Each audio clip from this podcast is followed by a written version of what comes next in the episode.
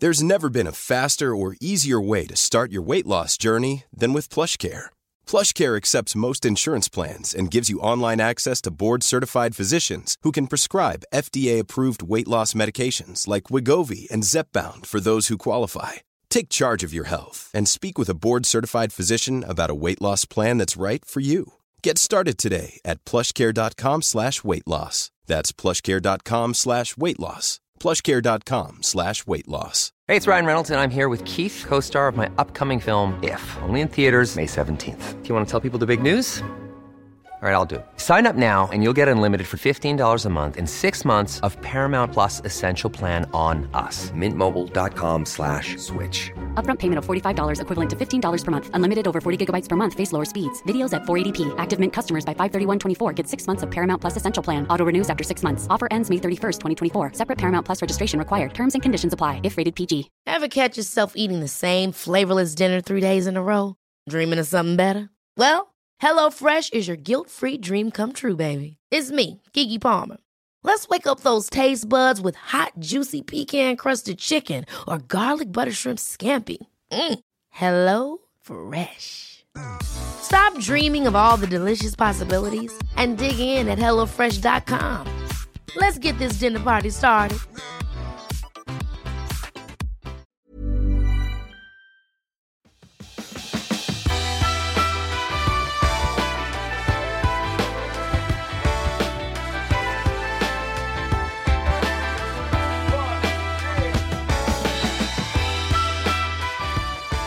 Hej och välkommen till avsnitt 63 av Klimakteriepodden med mig, Åsa Melin.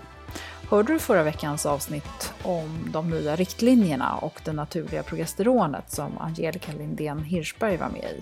Ja, då kanske du också har hört den goda nyheten att naturligt progesteron, eller bioidentiskt som många väljer att kalla det för, är på gång. Ett läkemedelsföretag har alltså lagt in en ansökan om registrering till Läkemedelsverket. Så kanske kommer vi under andra halvan av 2019 få lite större valmöjligheter.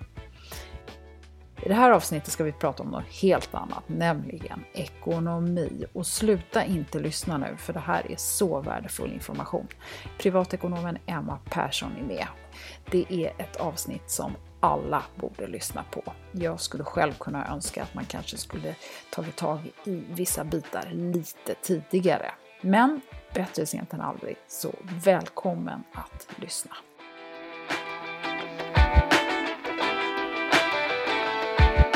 Emma Persson på Länsförsäkringar, välkommen till Klimakteriepodden. Tack så mycket. Vi har dig här idag för att du är privatekonom och det tycker jag är ett spännande ämne för oss kvinnor som eh, Många är ju i den här åldern lite grann sådär att man eh, önskar göra någon form av förändring men man vet inte riktigt hur man ska göra. Och upprinnelsen till att jag hittade dig var faktiskt för att du hade skrivit en debattartikel i Svenska Dagbladet och där uppmanade du kvinnor att ta ansvar och ställa krav. Och det handlade ju då lite grann i, om ett ur ett förhållandes perspektiv och du har skrivit flera intressanta artiklar och bland annat så säger du att man ska ha ett sparande eh, som man liksom mentalt kan se till att man kan och vågar göra saker som man annars inte skulle göra. Mm. Och innan vi kommer in på det här så får du gärna berätta lite mer om dig själv.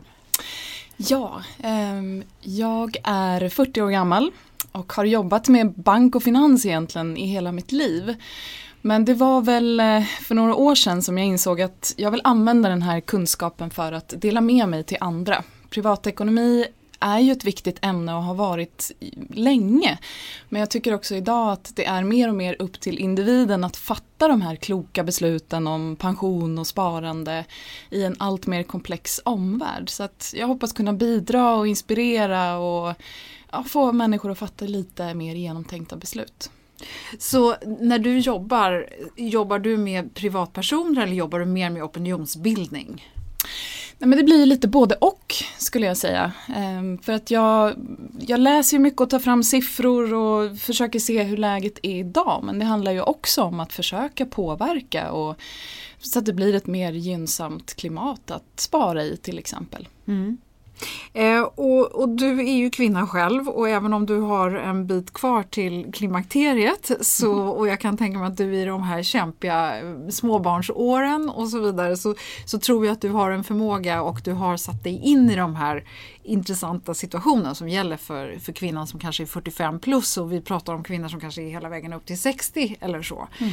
Eh, men just den här förändringen vill jag komma tillbaka till för man är liksom ofta då dåligt insatt och så sent som igår så mötte jag en kvinna som sa att hon inte stod ut längre på den arbetsplats hon var. Hon har varit där väldigt länge och, och så att hon står inte ut att vara den hon alltid har varit. Och så säger hon så här att dessutom så tycker eh, så har kollegor börjat fråga henne varför hon är så arg. Okej, ja det är en bra energi kanske att använda för förändring. Mm. Ja, berätta vad, vad ska man tänka på om man vill göra en förändring? Nej men jag brukar ju ofta prata om att, att man ska ha ett frihetskapital. Och det är ju just av den här anledningen att man ska kunna våga ta steget att göra något annorlunda. För till exempel om man, om man startar ett eget företag så kan det ju ta ett tag innan, man, innan det blir lönsamt och man kan behöva lite extra pengar att eh, späda ut ekonomin med under tiden. Så det, det tycker jag är bra att ha i ryggen.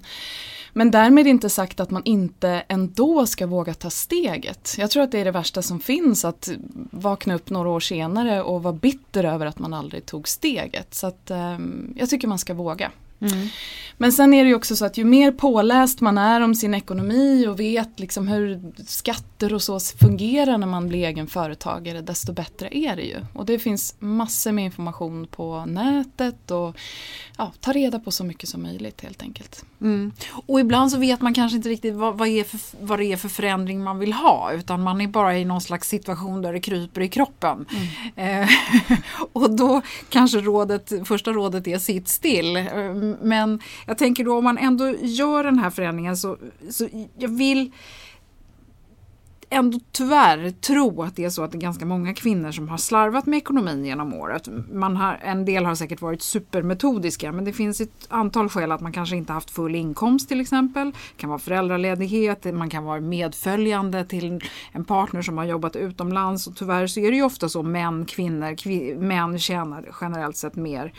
Det kan också vara så här, omskolning, sena studier och, och, eller ren ignorans. Mm. Um, hur, hur, hur, ska man ta tag i den här löneskillnaden och, och, hur ska man tänka i sitt förhållande när det gäller de här sakerna överhuvudtaget? Nu går vi liksom kanske lite större här. Ja.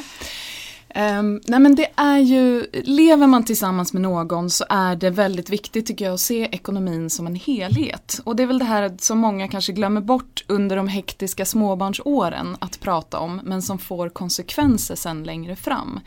Och då inser man kanske först när man vill göra den här förändringen och inser att men jag har ju halkat efter både lönemässigt och kanske karriärmässigt för att jag offrade mig om man så vill för familjen. Så att jag tycker aldrig det är för sent att ha det här samtalet med sin partner. Att kanske krasst räkna ut vad förlorade jag i pension på att jobba deltid under småbarnsåren? Hur kan vi eventuellt kompensera mig för det frånvarostraff som ofta drabbar kvinnor som, är, som jobbar deltid under många år? Alltså att man tappar i löneutveckling eller att man tappar i karriär. Och här tycker jag att man ska vara ganska tuff. Eh, som kvinna så gör man ju ofta det här för familjen som helhet. Och det tycker jag också på något sätt är ett slags jobb som man ska avlönas för helt enkelt. Så kan man se det. Och vad ska man säga till sin partner då? Ja, det är ju svårt att, eh, för, för många är det svårt att prata om ekonomi generellt. Och eh, det jag har sett i undersökningar och så är att kvinnor ofta har lite sämre alla förmåga eller tro på sin förmåga kring ekonomiska frågor. Så att jag tycker att eh, en början skulle kunna vara att man räknar ut vad man har förlorat eh, på att jobba deltid. Och det går ganska lätt att göra. Pensionsmyndigheten till exempel har beräkningar eh, på sin hemsida. Och presentera den här siffran och säga att vet du vad, jag skulle vilja kompenseras för det här eh, med den här summan. Och kanske lite till då om man nu tänker att man eh, missade någon karriärmöjlighet. Och var kommer den summan ifrån? Jo men den summan är ju för att eh, pensionen beräknas ju på lönen och jobbar man då deltid så får man ju en, en, lägre pension. Så att man kan räkna ut hur mycket pension man skulle ha haft om man jobbade heltid. Och sen ska ju summan tas någonstans ifrån också. Mm. Ja, och, kom, och har man det här samtalet redan när man jobbar deltid, alltså under småbarnsåren, så kan man föra över premiepensionsrätter och sådär. Men det går inte att göra i efterhand, utan nu handlar det om tycker jag, slå näven i bordet och säga att eh, jag vill ha kompensation för det här. Eh, och våga göra det. Ja, det är, Herregud, ja, visst, det, det låter som att har man inte hamnat i skilsmässa innan så, så kanske det nu det kommer. Men kanske, men samtidigt så det är klart att ett förhållande är kärlek och liksom en relation och allt så men, men det är också en, på ett sätt en krass ekonomisk överenskommelse man gör när den ena jobbar deltid. Visst man gör det kanske av egen del för barnens skull och så vidare men det kan bli en ganska kraftig ekonomisk smocka senare och det glömmer nog många. Och, och, då om man nu vågar ta tag i det här och fronta sin partner med det här och så säger man då att man har kommit fram till att eh, den här uppoffringen eller det här bidraget man har gjort i form av familjebildning och stötta på andra sätt är värd, vi säger bara för skojs skull, säger vi att den är värd två miljoner kronor. Mm. Vad ska partnern få de här pengarna ifrån? För, för nu kanske vi sitter i en situation när, säg att mannen är 60 och du själv är 55. Mm. Nej, det är klart och riktigt så mycket pengar kanske det inte handlar om men eh, jag kan tycka att det är så viktigt att man har just den här egna potten pengar. Det är ju möjligt att man som familj kanske har sparat till ja, någon sorts gemensam pension eller att vi ska flytta utomlands eller vad vet jag. Men jag tror att det är så viktigt för egen del att ha den här, det kan vara en mindre summa pengar. Bara så att man känner att så här, det här är mitt, det här kan jag använda till vad jag vill. Eh, och göra det både inom ramen för äktenskapet men också då om det värsta skulle inträffa att man, eh, man separerar eller att ja, det händer något annat så behöver man ha en viss förberedelse. Och betyder det att man ska ha gjort sina, sitt pensionssparande och sitt separata sparande, ska man ha gjort det till enskild egendom då? Precis, det är ju det som är så viktigt för att få med sig det i, i om man separerar. Ja. Um. Och, och det här när man, delar, man pratar om dela pensionsrätter, hur går det till då rent praktiskt om det nu inte är för sent? Så att säga? Eh, du fortfarande har en partner som, som jobbar och har inkomster och bra pensionssparande. Ja men det gör man via en blankett som finns på Pensionsmyndighetens hemsida och det ska man göra senast 31 januari då för det år som, som det ska gälla. Mm. Men, eh, men det är ju som sagt bara om man befinner sig mitt i den situationen och eh, Ja, att det fortfarande rullar ja, in, in inkomster eller pension. Ja, okay. eh, och är det här någonting som är vanligt? Nej, det är en försvinnande liten andel som eh, för över pensionsrätter i alla fall. Riktigt hur det ser ut i termer av andra kompensationer, det vet man ju inte. Men jag tycker liksom att det börjar eh, höras mer och mer att kvinnor blir medvetna om det här. Ju mer vi pratar om pension till exempel och så i samhället desto mer medveten blir man att man faktiskt förlorar på att eh, vara hemma i termer av pensionskapital. Men du som är 40 år och jämför det med någon som är 50 eller 60 idag. Jag tror att det är jättestor skillnad för att ni är så duktiga mm. och har utbildat er på, en, på ett annat sätt och lite på samma nivå. Upplever du att ni har samma eh, alltså som kvinna då samma uppoffring som, som generationen över er? Ja det är ju bara att titta på eh, Försäkringskassans statistik hur det ser ut över uttagen föräldraledighet och uttagna vabbdagar. Det är ju fortfarande en stor övervikt för kvinnor. Tyvärr.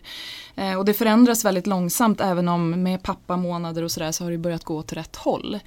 Men ja, huruvida det här är strukturellt eller egna val eller så, det är en, det är en annan diskussion. Men eh, ojämvikten finns fortfarande. Mm. Eh, jag läste också att ni Länsförsäkringar har gjort, eh, har med hjälp av SCB, alltså eh, Svenska eh, Statistiska centralbyrån. inte ja. SCB, e jag, jag, när jag säger SCB e så låter det som, som en bank. Ja, men det var inte det, utan det var precis Statistiska centralbyrån. Ni har undersökt eh, kvinnors och mäns inkomst, hur det påverkar skilsmässor. Kan mm. du inte berätta om den undersökningen? Ja, det var verkligen spännande. Det visar sig att eh, ju högre inkomst kvinnan har, alltså ju mer jämlika lönerna är, desto vanligare är det med skilsmässa. Och det här, ja, orsak och verkan och så kan man ju också diskutera men, men för mig så tolkar det som att eh, när kvinnan får mer ekonomisk makt och möjlighet, vilket man ju ja, dessvärre får med pengar, eh, desto vanligare är det att man faktiskt tar tag i sin dåliga relation och gör något åt saken. Mm. Så att här är det ju då också tillbaka till det här med frihetskapital att det är så viktigt att ha möjligheten att fatta beslut, inte bara i termer av karriär utan också i jag vill lämna en dålig relation. Mm. Eh, på många håll i, i, landet just nu så är det väldigt svårt på bostadsmarknaden till exempel att faktiskt ta sig, ta sig ur den här gemensamma villan och köpa något eget och så. Så att det blir än viktigare. Mm. Eh, när man pratar om, om den här löneskillnad och, och, och, individuellt sparande, är det någonting som man ändå, alltså om man nu har missat att ta tag i det tidigare så att säga, är det någonting som, som man kan göra rent lagligt. Alltså är man gift så har man ju teoretiskt sett rätt till hälften. Men, men då är det generellt så att pensionerna är undantagna från det här. Är det en korrekt uppfattning? Ja, precis. Eh, tjänstepensionen till exempel är ju inget som, som delas eh, om man skulle separera då, utan eh, det är ju det gemensamma kapitalet och de gemensamma reala tillgångarna som delas. Mm. Så att här blir det ju också viktigare att just se om sitt eget hus för att en, en bra karriär som vi säger att då mannen har haft det innebär ju också en bättre pension i många fall som man ju inte får del av då om man skulle gå skilda vägar. Mm. Och, och då är frågan så här, hur, hur vet man om man har råd då att, eh, om man nu inte tänker på det här omfördelningen utan man tänker på ett förhållande överhuvudtaget, man, man, eh, utan vi tänker bara på dig som, som individ. Hur vet man att man har råd att byta jobb eller gå ner i tid eller sluta jobba eller så här, Om man nu har den här kliande argsinta eh, klimakteriekroppen ja. höll jag på att säga. Eh, berätta, hur ska man tänka? Jag tycker att det allra viktigaste är väl att skaffa sig en överblick av hur ekonomin ser ut. För det är ju ett vanligt fel man gör med sin privatekonomi. Att, eh, speciellt om man kommer upp i en viss lönenivå där man kanske inte behöver fundera på varenda krona längre. Då rullar allting på och man har råd och man kan till och med sätta lite guldkant på tillvaron men man tar aldrig den där makten och kontrollen över ekonomin. För vill man förändra något så måste man ju liksom börja här och nu och se vad har jag råd med nu? Om jag gör de här förändringarna, vad har jag råd med då lite längre fram? Eh, och ja, vad har jag för kostnader är en annan sak man måste veta. Eh, hur involverad kan min partner vara i det här? Kan det vara så att om jag offrade mig under småbarnsåren är det nu så att det är min eh, partners tur att ta lite mer ansvar hemma och kanske finansiera den här nedgången i arbetstid till exempel som jag vill göra. Eller floristdrömmen eller vad det nu är man har. Mm. Så att prata om, om ekonomi tror jag är viktigt med sin partner här också när man vill göra det.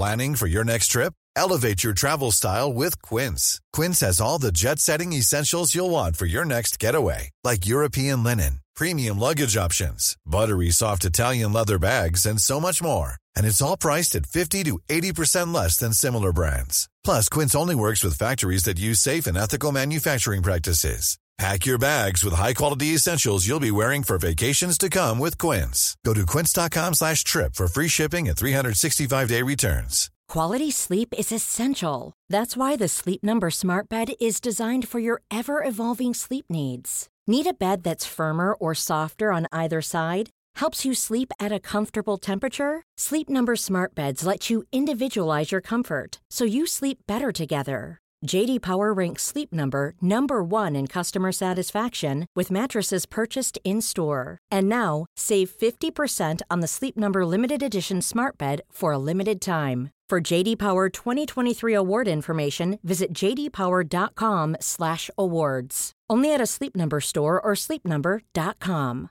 One size fits all seemed like a good idea for clothes. Nice dress. Uh, it's a it's a t-shirt.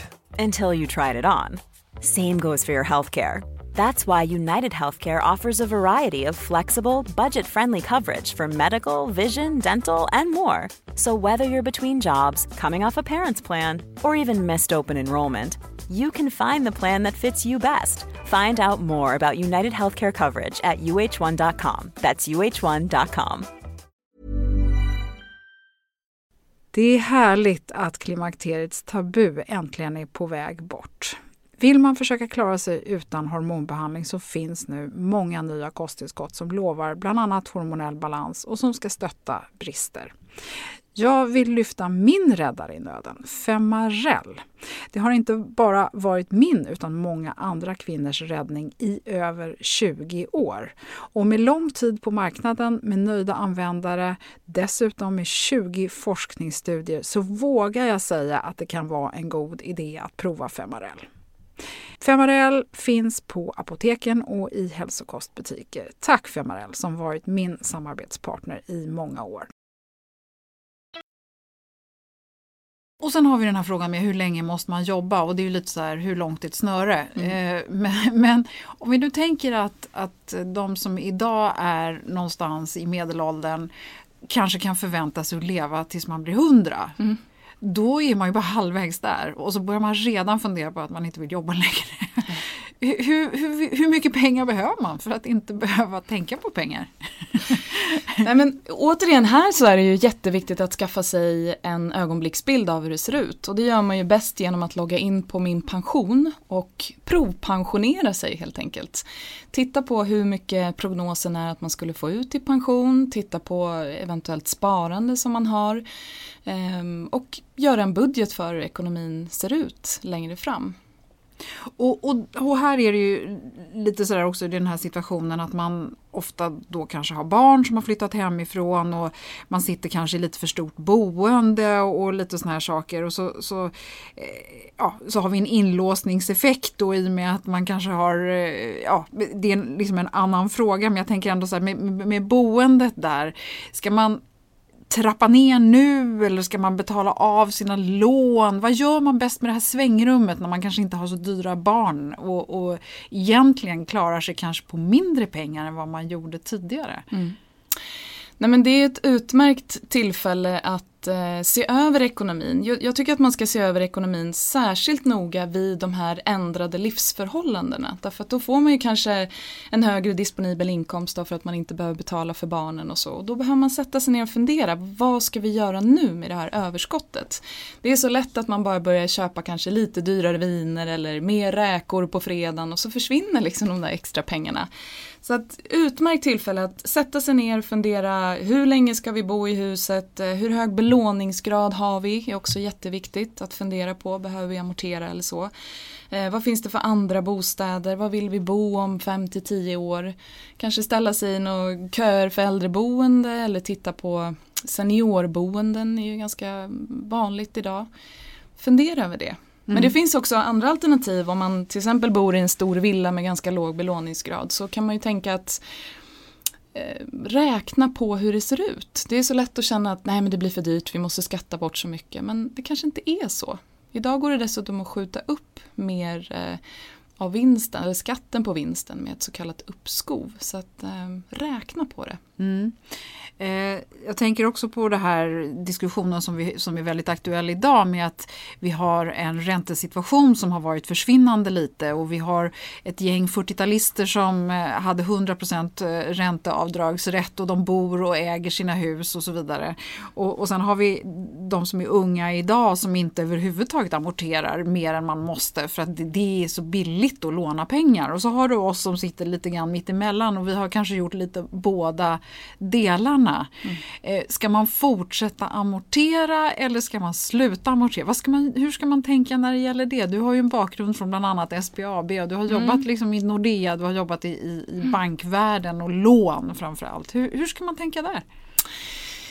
Ja, det här är ju väldigt individuellt. Det beror ju på inkomster och hur hög belåningsgrad och sådär man har. Men generellt kan man säga att har man en belåningsgrad på 50% eller där under så tycker jag kanske inte att det är någon jättepoäng att amortera utan se över det övriga sparandet också. Vad har vi för, för övrigt sparande att eh, röra oss med liksom, till nästa boende eller hur mycket får vi över när vi säljer villan? Är det möjligt? Man kan också tänka att man kanske kan hyra ut en del av bostaden eller bygga ett attefallshus på tomten och skaffa sig en sidoinkomst och ja, men vara lite kreativ. Mm. För många är det jätteviktigt att bo kvar i, i villan för att man är liksom väldigt känslomässigt förankrad i den.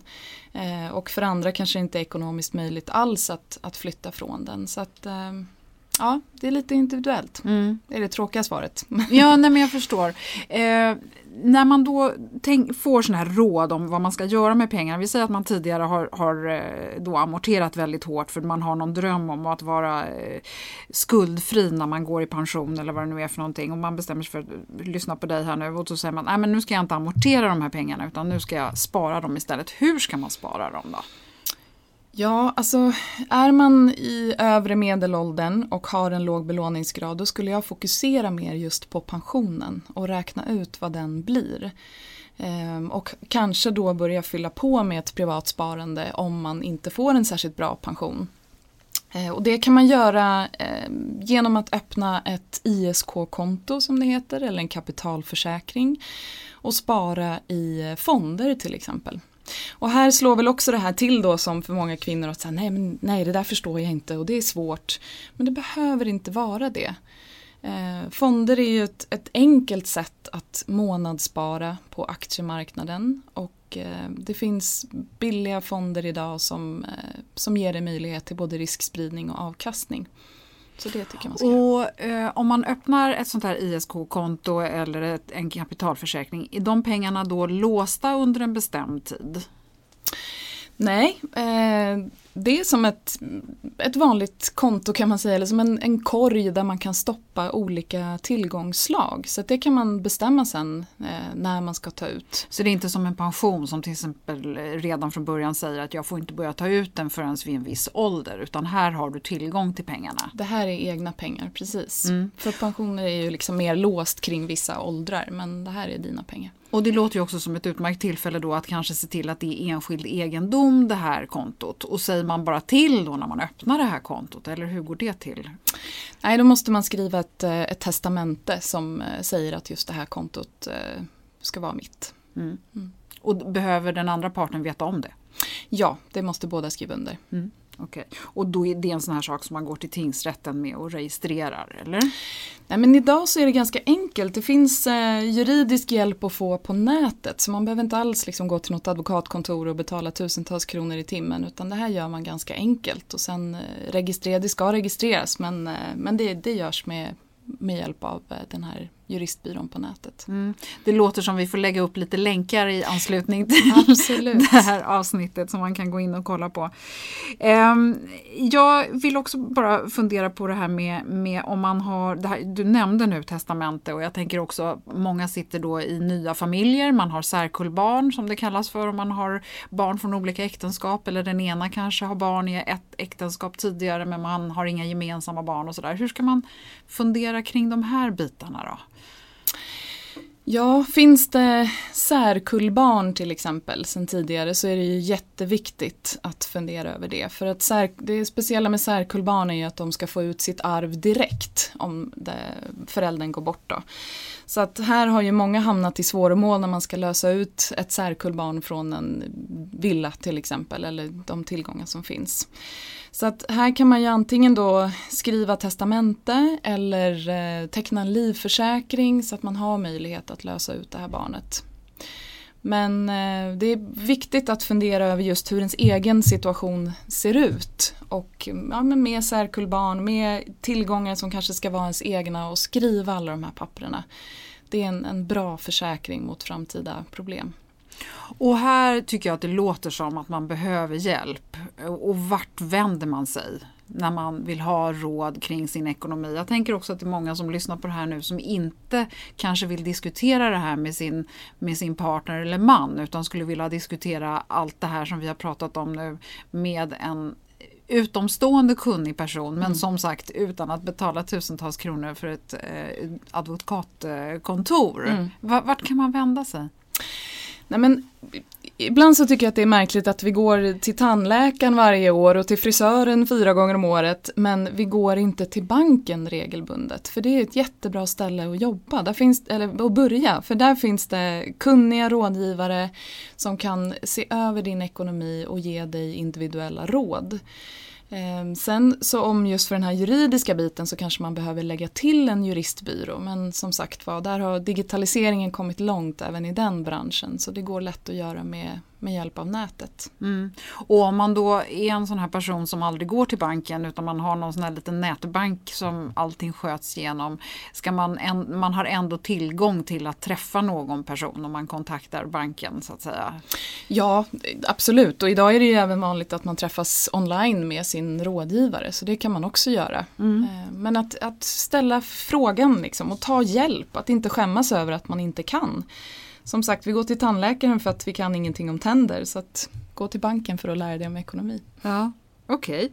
Okay. Eh, vi har talat en hel del om arbetslivet och, och eh, allt sånt här i, i podden och, och, väldigt intressanta avsnitt, bland annat 51 med företagsledaren Per Eriksson och så kan jag också rekommendera avsnitt 35 med Susanna Toivonen som är professor i sociologi och där har vi pratat om arbetslivet på olika sätt.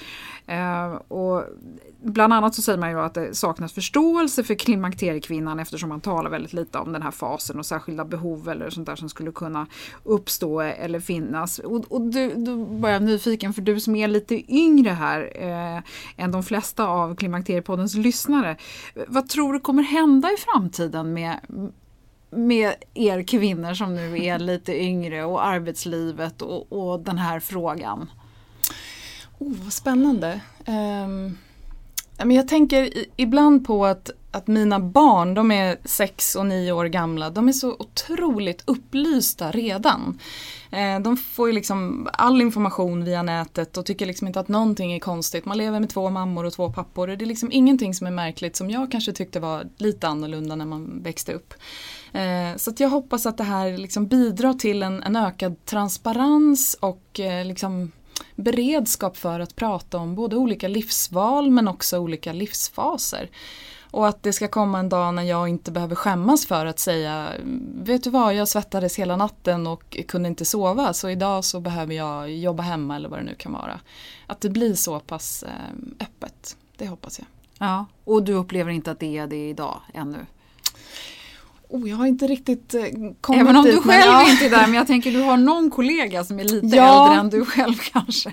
Men jag tänkte kanske också i, i, takt med att arbetsplatser blir mer och mer jämställda och att man kanske i högre utsträckning har en kvinnlig chef, att det kanske blir lättare av den anledningen. Men eh, jag tror på mer transparens och mognad i samhället när det mm. gäller de här frågorna. Nej, för jag tänker att det är så, och det har vi pratat om tidigare i podden, att det här att det är så naturligt att om någon är med barn så, så finns det liksom vissa, eller om någon har småbarn så finns det också vissa saker som man liksom tillåter och sådär. Men, men eh, sen när man blir äldre då ska man bara gneta på liksom.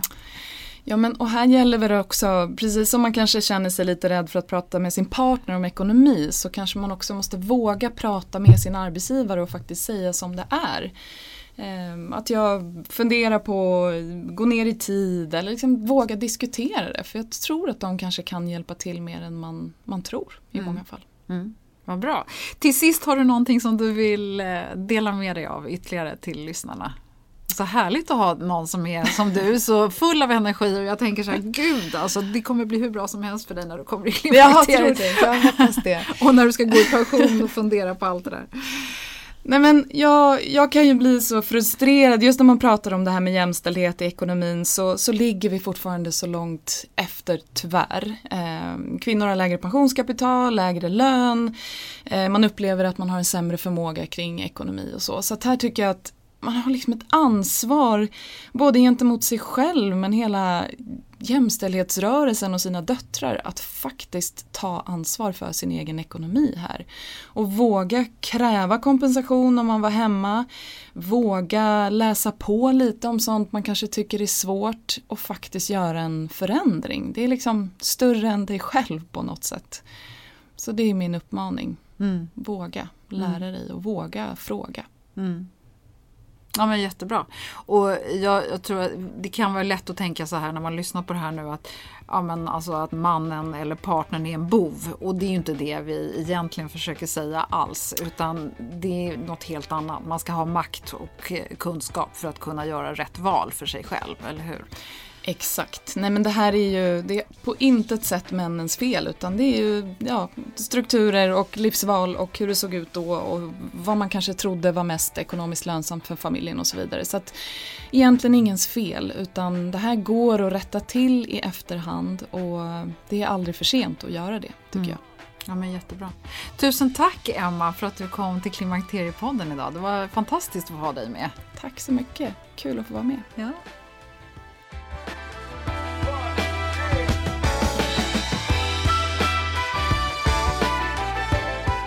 Okej, vågar du provpensionera dig? Mm. Så många stora och viktiga frågor som jag tror vi är många som inte riktigt har koll på fullt ut. Men ta tillfället i akt. All bra information som är relaterad till avsnittet hittar du via länkar som Emma hjälpt till att fixa på klimakteriepodden.se. Och de ligger också uppe på Klimakteriepoddens Facebook-sida. Om du inte har hört avsnitten som handlar om arbetslivet och önskan om förändring så lyssna på dem som jag också pratar om i avsnittet. Det är alltså avsnitt 35 och 51 med Susanna Toivonen och Per Eriksson. De kan jag varmt rekommendera. I nästa avsnitt så ska erfarna och kunniga gynekologen Eva Rulander hjälpa oss med mer kunskap om hur PMS och klimakteriet hänger ihop. Vi ska också prata om andra lite mer komplicerade underlivsfrågor som endometrios, atrofi och andra tillstånd som kan uppstå eller som man kanske har fått tidigare och hur de förändras i samband med våra klimakterieår. Det finns ju som vanligt också en massa andra avsnitt eh, att lära sig från under tiden. Och missa inte att bläddra runt bland dem. Följ också gärna Klimakteriepodden på Facebook och Instagram. Och mig, Åsa Melin, kommer du i kontakt med på info.klimakteriepodden.se. Tack för att du har lyssnat och välkommen snart igen. Hej då!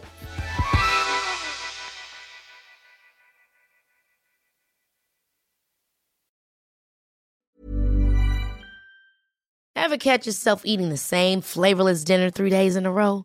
Dreaming of something better? Well, HelloFresh is your guilt-free dream come true, baby. It's me, Gigi Palmer. Let's wake up those taste buds with hot, juicy pecan-crusted chicken or garlic butter shrimp scampi. Mm. Hello Fresh. Stop dreaming of all the delicious possibilities and dig in at HelloFresh.com. Let's get this dinner party started. Imagine the softest sheets you've ever felt. Now imagine them getting even softer over time. That's what you'll feel with Bowl and Branch's organic cotton sheets. In a recent customer survey, 96% replied that Bowl and Branch sheets get softer with every wash. Start getting your best night's sleep in these sheets that get softer and softer for years to come. Try their sheets with a 30-night guarantee. Plus, get 15% off your first order at bowlandbranch.com. Code BUTTERY. Exclusions apply. See site for details. Hey, it's Paige DeSorbo from Giggly Squad. High quality fashion without the price tag. Say hello to Quince. I'm snagging high-end essentials like cozy cashmere sweaters, sleek leather jackets, fine jewelry, and so much more. With Quince being 50 to 80% less than similar brands. And they partner with factories that prioritize safe, ethical, and responsible manufacturing. I love that. Luxury quality within reach. Go to quince.com slash style to get free shipping and 365 day returns on your next order. Quince.com slash style.